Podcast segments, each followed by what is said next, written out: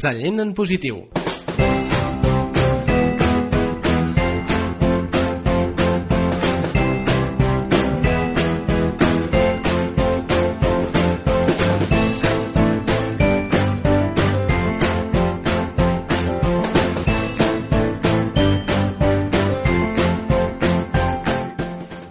Mitjans de desembre ja, l'últim mes de l'any, i és que el que ve, el 2019, crec que serà especial pels de Cal Vilalta. La sabateria farà 100 anys, i això no es pot dir cada dia. Avui, al Sallent en Positiu, els hem fet una visita.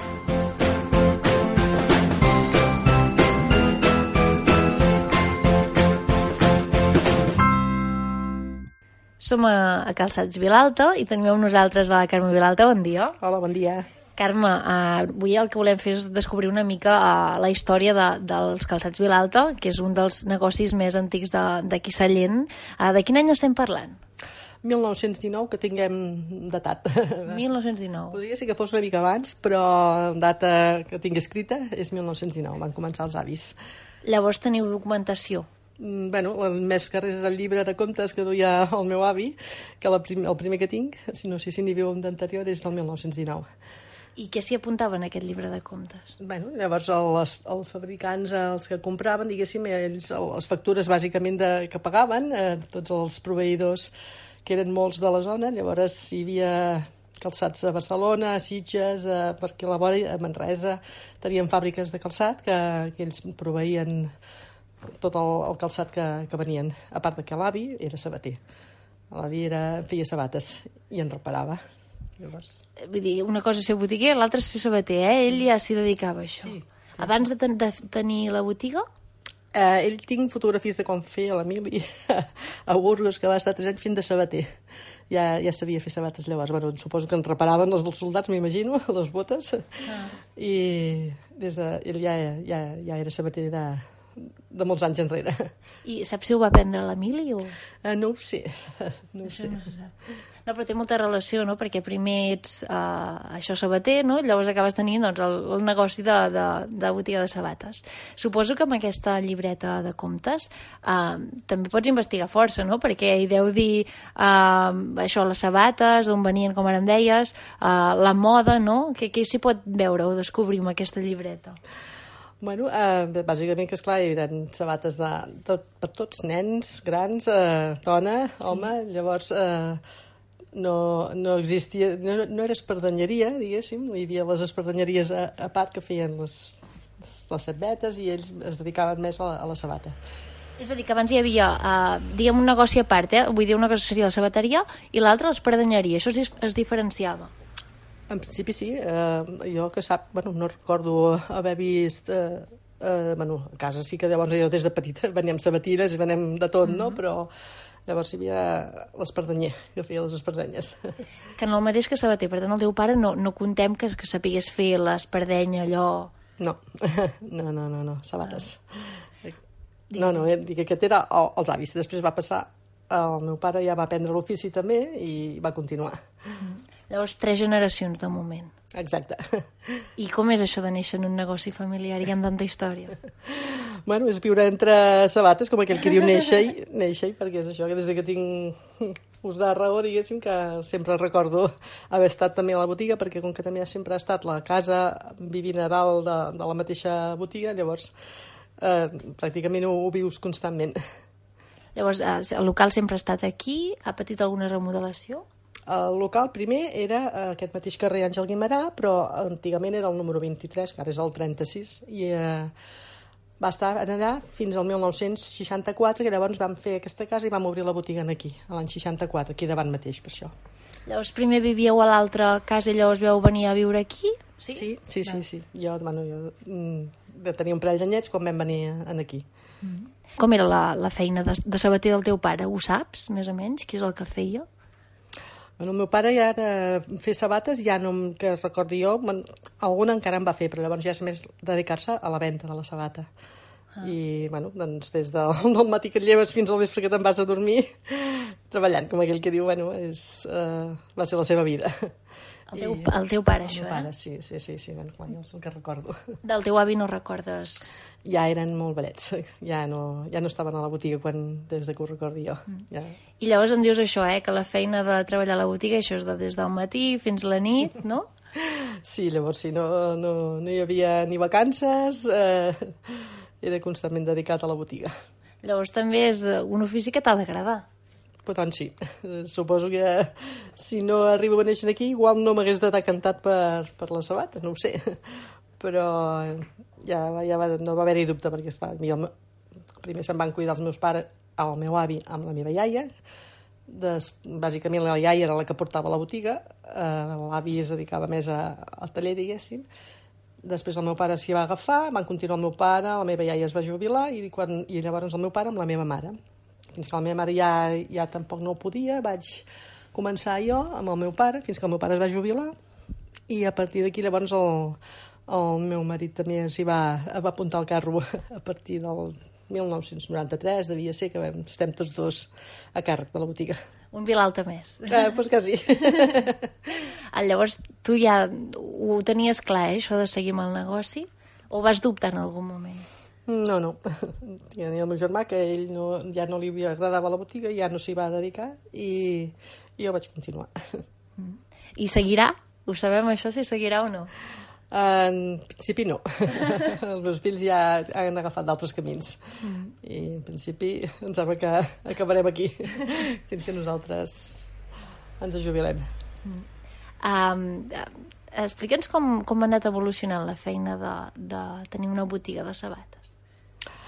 Bueno, més complicat cada vegada perquè eh, tot ha, anat evolucionant, diguéssim, que abans tenies només sabates i, clar, que sí, ara, ara tens de tot. Ten, has, has evolucionat amb esportives, amb, has tingut gènere de tot, ja dic, des de la canalleta petita fins a grans, els de les sabatilles, les sabates de vestir, bueno, tot el que comporta i cada cop és més complicat en el sentit de que clar, hi ha més modelatge eh, és, has de buscar més tu la vida. Abans els representants venien a la botiga a vendre't. Ara normalment ets tu que has d'anar als despatxos per, per veure els mostraris eh, tot va canviant. A part les, les exigències de la clientela també són unes altres. Eh, abans la gent comprava al poble ara hi ha més oportunitats de compra per tot arreu, llavors eh, tu t'has d'especialitzar una mica, personalitzar més les ventes, eh, bueno, això sempre ho hem fet, no? però dedicar-te al client al màxim per que tingui una bona atenció i, i servir el millor possible. Però això sí que és veritat, no?, que l'atenció que tens del client eh, en una botiga de, del poble de tota la vida no la tens a una gran superfície. No, és molt diferent. Aquí, diguéssim, a part que és això, que, que mm, ja ets professional de, de les sabades, diguéssim, saps el que pot anar bé, el que no pot anar bé, coneixes, si són clients habituals, ja el peu que calcen mai és ben dit. I a part, bueno, el, l'especialització una miqueta més amb, amb, tens de tot, però més amb peus delicats, per exemple, ara tenim més mm, fixat, diguéssim, aquest tema, a part de moda també, i ara amb la moda sí que llavors és la meva, amb la meva filla amb la que conto a l'hora de comprar, perquè ella m'ajuda a decidir els, les mostres, i és complicat més comprar que a vegades que vendre. Sí? Saber què compraràs, perquè és quasi bé amb un any d'antelació que has de preveure el que, el que vendràs, perquè, esclar, les fàbriques treballen sobre comanda i, i tu tens de comprar abans de que arribi el client decidir el mostrari que, que tindràs. Per Amb un any d'antelació, eh, dius, això, bueno. pràcticament? Mm, Tant potser no, bueno, alguns segons quins sí, cada vegada més d'hora, però mig any segur. Ah. Llavors, um, com, com ho feu, això de saber eh, quina moda es portarà l'any a sobre? bueno, has d'estar més a la guai de tot, més informat de tot, llavors els representants també més o menys t'informen, et guien una mica, però ets tu, en definitiva, saber més o menys el públic que tens, el que pot agradar i el que pot anar bé. Aquí quin públic teniu? Doncs variat, de tot. Uh, dins dic, des de les mames amb els nens, senyores grans que han comprat tota la vida uh, en aquí, vull dir, tens variació de, de clientela. Variat, eh? No és allò un públic fix. Um, I quina és la moda que es porta ara? Molt esport, mm, s'ha decantat molt la sabata típica de vestir, sabata ben feta, com eh, podia ser abans de, de tot pell i sola de cuiro, que llavors teníem feina a reparar, diguéssim, a, a sabata més esportiva, tot i que continuem tenint també la sabata sabata, molt esportiva, molt més informal, diguem, mm. per dir alguna cosa. Quan dius la sabata sabata és que abans eh, era com el saló clàssic de tota la vida, no? De, de... O no? Sí, salons i, i sabates mm, d'home amb sola de cuiro, cosides, eh, tal com es feien les sabates abans. Ara és més soles de goma, no necessiten ja tanta, tanta de reparació i ja dic, gaire més, més informal. Mm. I abans els proveïdors d'on venien? Suposo que era més pròxim, no? Sí, sí bueno, sempre cap a Elx, eh, Alacant és on sobretot ha sigut més la... Cap on hi ha hagut més, més fabricació, ah. sí, sí, sí, però aquí hi havia tallers, eh, ja dic, a Barcelona, jo dic, per la constància aquesta que tinc del, del tipus dels avis, per Sitges i tot, també hi havia proveïdors, bueno, es, hi havia tallers petits, m'imagino que, que ens venien també al calçat. I ara gairebé, bueno, entre el que fan fora, que els representants et venen, bueno, tenen les, les fàbriques, ja no són fàbriques, algunes són compren a, a l'exterior o fan fabricar a l'exterior i llavors ho venen aquí mm. i, i aquí, diguéssim, la majoria de, dic ara de, de compres és tot bé de proveïdor de més que res de, així de, de València, d'Alacant a Toledo també tenim fabricants, bueno, i algun de fora que té, té la seu aquí, però tenim sabates d'Alemanya, per exemple. Yeah. tenim una marca alemana que també fa, fa fabricar per tot el món, però ho, ho distribueixen llavors des d'aquí. Mm. Llavors, per escollir el material, que teniu com una mena de catàleg i demaneu tantes sabates d'aquí, tantes d'allà, com funciona? No, catàleg no. Ah, bueno, alguns pretenen vendre en catàleg, però sempre volem tocar i veure la sabata. Llavors és això, veure els mostraris, ja la sabata feta, per intentar eh, tenir el tacte, tocar-la per dins, si pot eh, fer mal d'algun lloc, si pot haver-hi problemes, eh, saber si pesa, vull dir, no, no pots comprar-la per catàleg així per les bones perquè no te pots trobar-te sorpreses després. Llavors us desplaceu, eh, fins al lloc on sigui? Sí, normalment Barcelona és on hi ha, hi ha despatxos de, que tenen els representants i tenen el showroom que diuen ara, amb totes les mostres exposades i, i tu tries en, allà.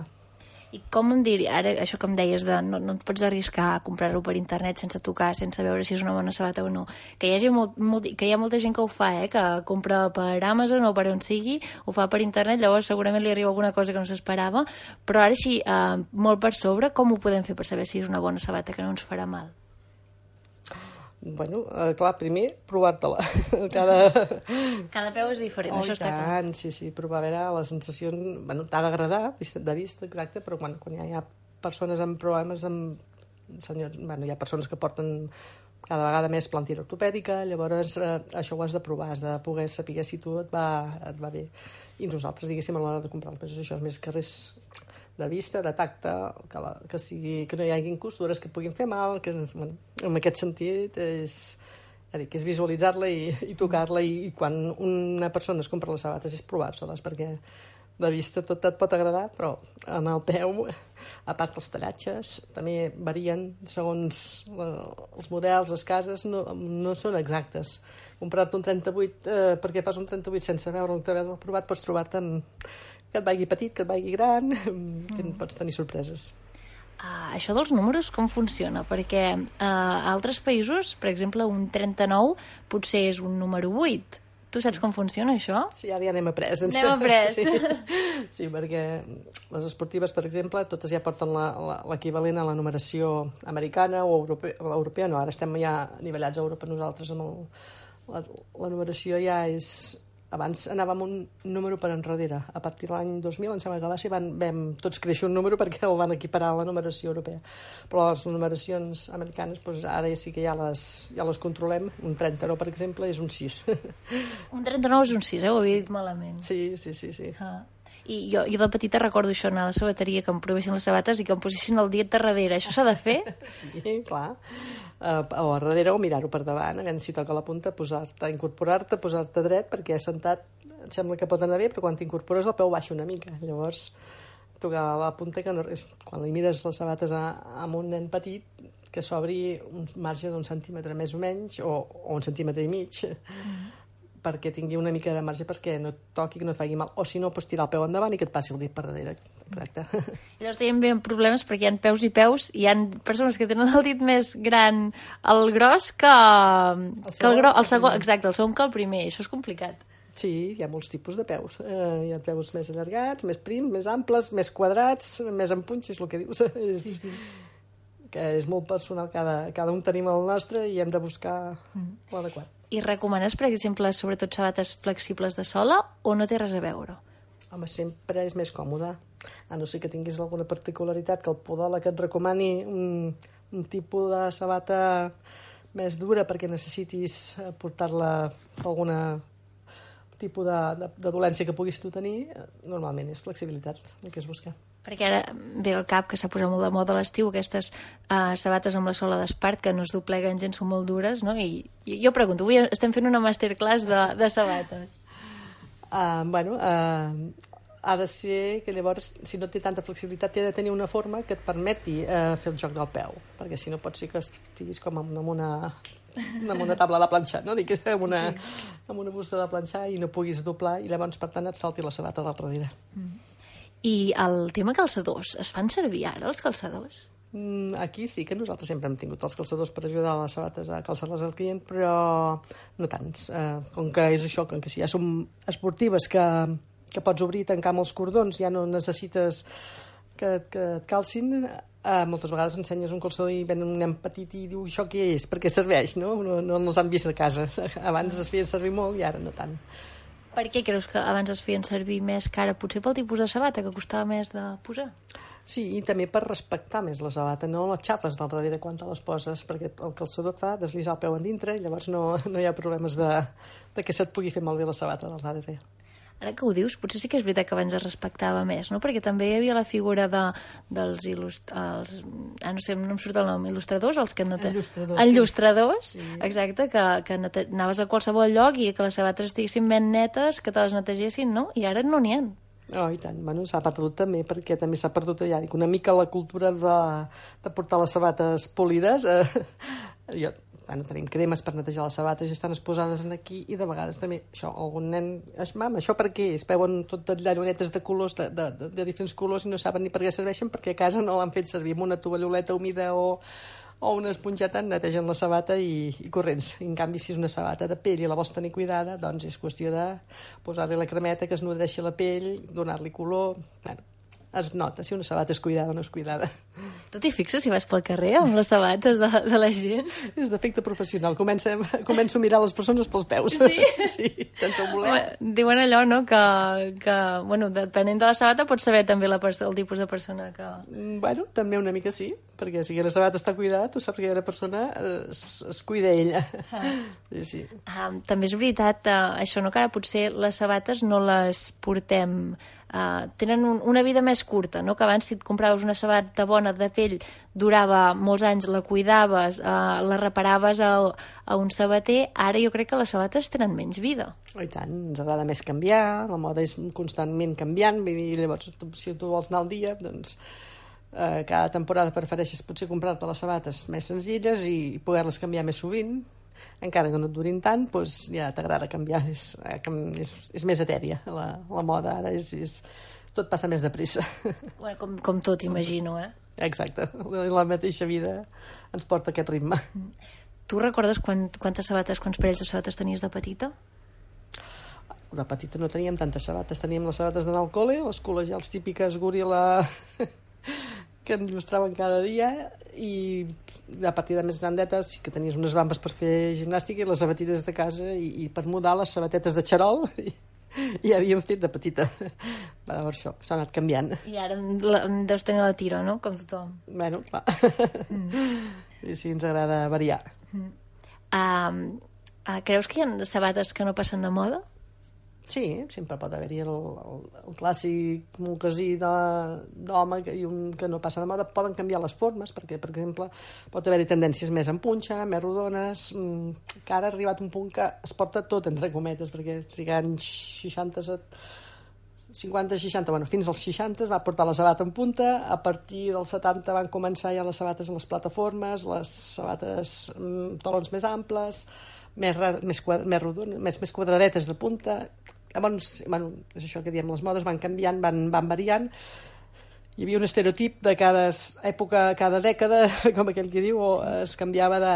Però ara arriba un punt que està tot barrejat, perquè tens ara tornes a tenir plataformes, però també es pot, tornen a introduir la sabata en punta, com més elegant i com a fina una sabata, això que diem, una senyora amb uns salons amb un taló d'agulla i, una i una punta fina, sempre seran super estètiques i elegants, més que unes plataformes matosseres, no? Però arriba un punt que es porta tot.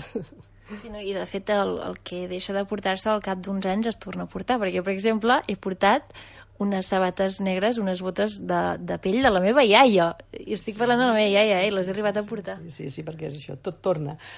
Tot i que varia una mica, tu, si tu mires bé, segurament que no seran exactament com les actuals, però les tendències és una roda, va, va girant i, i tornen, amb el temps tornen, sí, sí. Ah, per aquest Nadal, um, Quines sabates es porten? bueno, estem en temps... O colors. L'hivern el negre és el bàsic, tot i que aquest any hi ha hagut eh, bordeus, hi ha hagut caquis, marrons sempre n'hi ha també, però bueno, el rei és el negre, i amb, amb cona color, no? I al temps d'hivern, esclar, molts botins, sabates més tapadetes, però quan arriben festes doncs sempre et demanen el, saloner, el saló amb taló per més vestir, vas una mica més... Eh, retornes una mica la sabata més, més fina a l'hora de, de sortir amb... Però bueno, és en dona molt botí, molt botí. I ara que dius de, de dona, uh, imagino que compren més les dones que els homes. Sí, i tant. Sí, sí, bueno, ara el que és jovent, el que variem molt és amb l'esportiva, però sabata ja no en porten tant, porten les sabates casuals, que serien de vestir, però mm, més informals, i el temps que una senyora se pot comprar tres parells, doncs l'home encastarà unes de sabates, mentre una dona em farà córrer quatre o cinc. Sí. També és veritat que si em fas córrer moltes no es gasten tan aviat. Ja, sí, sí, però és això, més que res és el, el voler canviar de, mm. l'estilisme de cada moment, de cada tipus de, de look de roba, doncs requereix un tipus de, de calçat diferent. Mm doncs bé, siguin dones o homes, aquest Nadal, si es volen comprar sabates, ja els has explicat una mica quines modes hi ha. Mol moltes gràcies, Carme. Moltes gràcies a tu. Aquest, però, no és l'únic comerç centenari que hi ha al municipi. Dimecres, a les 11 i 5, farem una altra visita, aquesta vegada a l'Estanc Llenes. No us ho perdeu.